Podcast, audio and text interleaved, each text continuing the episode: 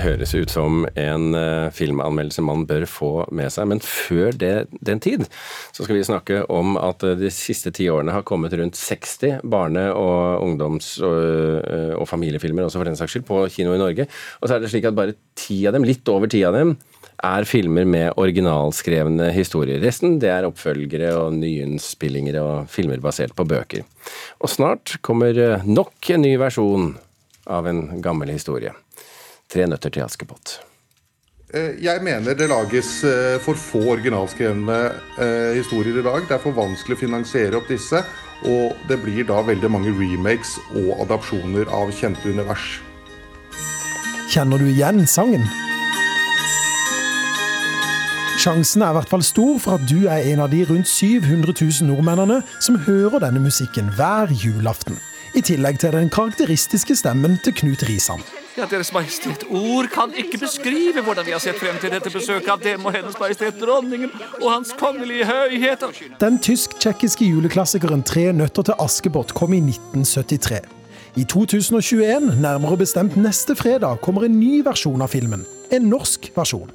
Jeg tror det kommer til å bli en kjempefin og spennende film. Sier Nicolas Sando, produsent i produksjonsselskapet Filmbind, som har laga flere barnefilmer. Men selv om han tror nyinnspillingen av filmen om Askepott og hennes nøtter kan bli en god film, så mener han at det generelt lages altfor mange barnefilmer som er basert på noe som allerede finnes. Jeg mener at eh, barn i dag trenger også ferske, nye, originale historier som speiler hverdagen eh, de lever i. De siste ti årene har det kommet rundt 60 barne-, ungdoms- og familiefilmer på kino i Norge. Men kun litt over ti av disse er filmer med originalskrevne historier. Resten er oppfølgere, nyinnspillinger eller filmer basert på bøker. Eh, veldig mye mer er originalskrevet, men det baserer seg på kjente univers eller kjente karakterer. Sier Fredrik P. N. Howard når vi viser han disse tallene. Det er han som er produsent for den nye Askepott-filmen. Som filmprodusent så kunne du lage hva du ville av film, i teorien. Likevel så har jeg valgt å lage en ny versjon av en film som allerede finnes, og som mange har et forhold til. Hvorfor det? Fordi eventyr er laget for å gjenfortelles. Film er et dyrt medium. Vi er avhengig av relativt stor oppslutning på kino for å greie å overleve. Den statlige bevilgningen til hver enkelt film har i prosent gått ned de siste årene. Eh, og Derfor legges det et press på produsentene til å levere produkter og filmer eller verk som vi er relativt sikre på at barnefamiliene vil ha. Anders Tangen, jeg skal snart spille et klipp for deg. Ja. For du er avdelingsdirektør i Norsk Filminstitutt. Og for fire år siden så sa daværende avdelingsdirektør Sveinung Golimo dette til NRK. Vi har hatt eh, et prosjekt eh, gjennom flere år i forhold til å utvikle flere originale barnefilmer som vi håper vi ser resultatene av nå framover. Når dere da har hatt et prosjekt i flere år, hvorfor har det ikke kommet flere originalskrevne barnefilmer? Nei, altså, øh, Vi må bare anerkjenne at det er for dårlig. Øh, og vi er jo ganske bevisst på det. Men det er klart at det er en utfordring at øh, produsenter og strømmetjenester i dag lettere velger kjente bøker, serier, ikke sant? kjente på en måte barneunivers. da. Men hvorfor er det egentlig så viktig at barn får nye historier? Det er faktisk ikke så viktig, tror barnepsykolog Charlotte Mjelde. Jeg har jo tenkt at eh, det også er noe fint med det å lage, lage remakes til barn og unge. Og det er nettopp fordi at vi som er foreldre i dag, vi har noen veldig gode minner og gode opplevelser med de klassiske filmene og seriene som har vært. Og så er det jo noe liksom fint å dele dette med barna våre. Reporter i den saken, det var Christian Ingebretsen. Rasmus Sivertsen, velkommen til Nyhetsmorgen. Takk for det. Jeg skal ta en liten oppsummering for de som hører på nå. Altså, Du og selskapet ditt Kvisten står bak noen av de mest kjente og mest eh, elskede eh, barnefilmene de siste årene. Men eh, nesten alle baserer seg da på kjente og etablerte universer og historier som Flåklypa, Dyrene i Hakkebakkeskogen, Kaptein Sabeltann og nå også den animasjonsfilmen som er på vei med, om Kardemommeby. Så spørsmålet mitt til deg, Sivertsen, det er hvorfor lager ikke du heller historier for barn som de ikke har hørt før? Jo, eh, altså akkurat nå så gjør jeg og Kvisten det. Vi lager vår første eh, originalskrevne animerte barne- og familiefilm som heter Helt super. Den kommer på kino til høsten, i september neste år. Eh, men det har vært et veldig langt lerret å bleke. Det har vært vanskelig å få eh, den filmen opp. Vi har prøvd med andre prosjekter tidligere. Og Det er klart det, det er jo litt eh, interessant, det blir ikke nevnt her i, i reportasjen, men at det er vanskeligere å få finansiert og få støtte til originalskrevet eh, barne- og familieinnhold, enn det er å få støtte og finansiert filmer som er basert på kjente univers. Det er jo paradoksalt. Men betyr det at du da går løs på en film som 'Kaptein Sabeltann' fordi du vet at den er lett å finansiere?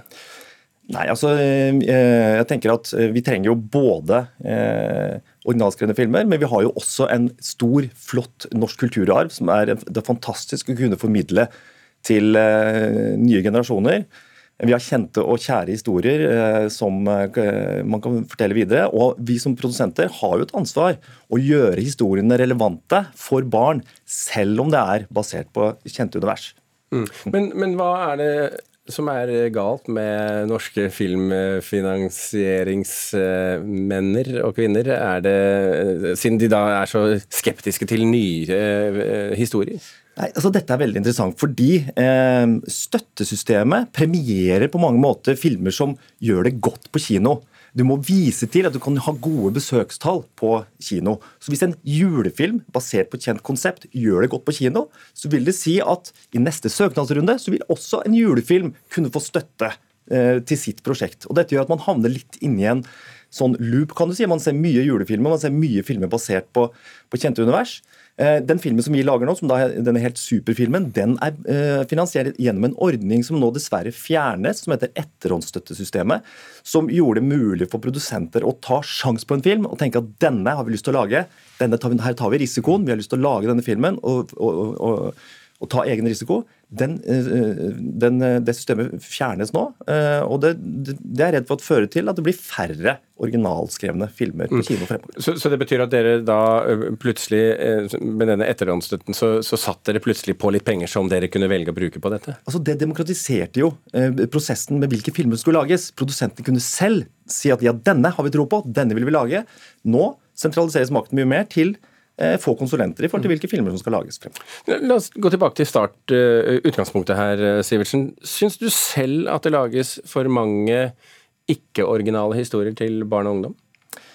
Eh, Jeg syns det skal lages flere originale filmer, helt klart. Det fortjener eh, barn og ungdom. Filmer som reflekterer deres hverdag og som deres følelsesliv og det de er opptatt av. Eh, Men så må vi også huske at vi har en, eh, et ansvar og, i forhold til eh, amerikanske filmer som kommer. Hvordan kan vi demme opp? Hvordan kan vi fortelle våre historier som er relevante, opp mot konkurransen som er utenfra? Også Ok. Nå skal du få 30 sekunder, og så forutsetter vi at Anette Trettebergstuen, vår nye kulturminister, hører på. Eh, Hva er din beskjed hva angår drømmestøtten til norsk filmbransje? Jeg skulle ønske at vi eh, hadde en, eh, fikk tilbake mye av det systemet som lå i etterhåndsstøtten. At produsentene eh, selv kunne eh, ta risiko, ta ansvar og, eh, for de filmene som lages. Ok, Rasmus Sivertsen i selskapet Kvisten, takk for at du var med her i Nyhetsmorgen. Takk skal du ha. Jeg vet ikke om de kaller det en familiefilm. Den franske filmen 'Titan' den vant eh, Gullpalmen i Cannes ikke. i sommer. Det er ikke en familiefilm, Hugo. Lytt og gjør det opp din egen mening. Denne helgen har den norgespremiere. Vår kritiker Birger Vestmo har allerede sett den.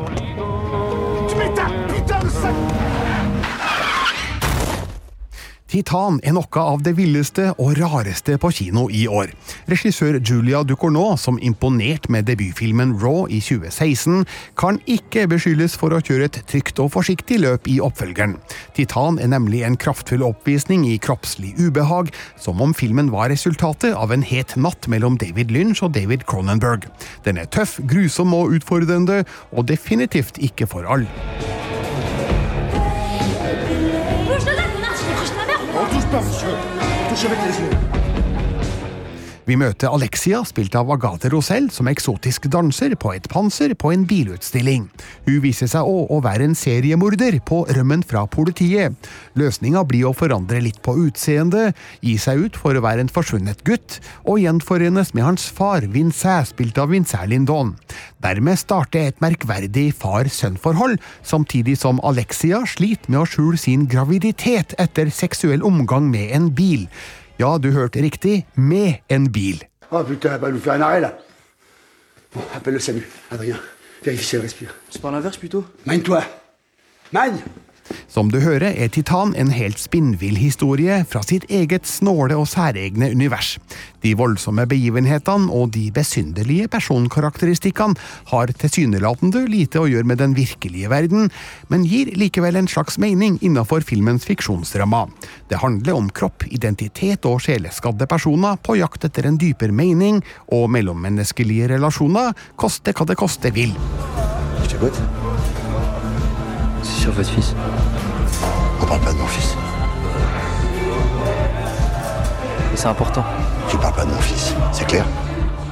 Julia Ducournau fremstår som en sjølsikker filmskaper som virkelig tør tråkke til med sterke virkemidler, mens både Agathe Rosell og Vincent Lindaux gir alt i krevende roller som fordrer både fysisk og psykisk mot. Det er til deres fortjeneste at filmen makter å vekke en slags medlidenhet for figurene, midt i alt det stygge og nærmest spekulative den viser oss. Titan går sine egne veier, og det er fullt forståelig om ikke alle er åpne for Ducournaux visjoner, men hun har ting å vise frem som det er umulig å stille seg likegyldig til. Toi, tu vas retourner, tu sais pas d'où tu viens, tu vas rien foutre là-bas. T'as compris Sens pas les énergies là ou quoi Sens pas ce qui se passe entre nous Terningkast fem. Titan, det er altså gullpalmevinneren som Birge, øh, ja, Birge Vestmo hadde sett. Jeg så på deg og holdt på å si et annet etternavn, men Birge Vestmo hadde sett den. Eh, Filmpolitiets nettsider eller nrk.no anmeldelser tar for seg alle premierefilmene eh, som kommer på kino, og TV-serier, og spill. Og litteratur. Du vurderer hva du bruker tiden på. Gå inn der og se etter det du liker best.